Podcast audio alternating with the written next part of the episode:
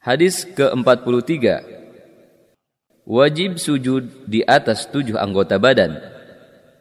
الله بن عباس رضي الله عنهما قال قال النبي صلى الله عليه وسلم أمرت أن أسجد على سبعة أعظم على الجبهة وأشار بيده على أنفه واليدين والركبتين وأطراف القدمين ولا نكفت الثياب والشعر Dari Abdullah bin Abbas radhiyallahu anhu ia berkata, Rasulullah shallallahu alaihi wasallam bersabda, "Saya diperintahkan untuk sujud di atas tujuh tulang anggota badan, yaitu dahi sambil tangannya menunjuk hidungnya, dua telapak tangan, dua lutut, dan dua ujung kaki, serta janganlah kita menyingkapkan atau menyingsingkan baju dan rambut."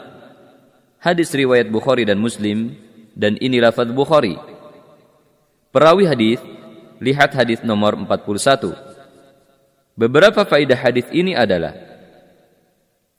Hadis ini merupakan dalil wajib sujud di atas tujuh anggota tubuh semuanya.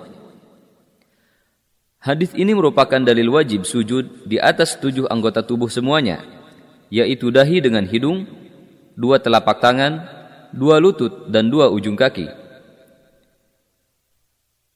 Jika seseorang mengangkat kedua kakinya atau salah satunya dari lantai ketika sujud, maka sholatnya tidak sempurna dan tidak sah. Demikian pula jika ada kesalahan pada salah satu anggota tubuh yang tujuh, maka sholatnya tidak sah.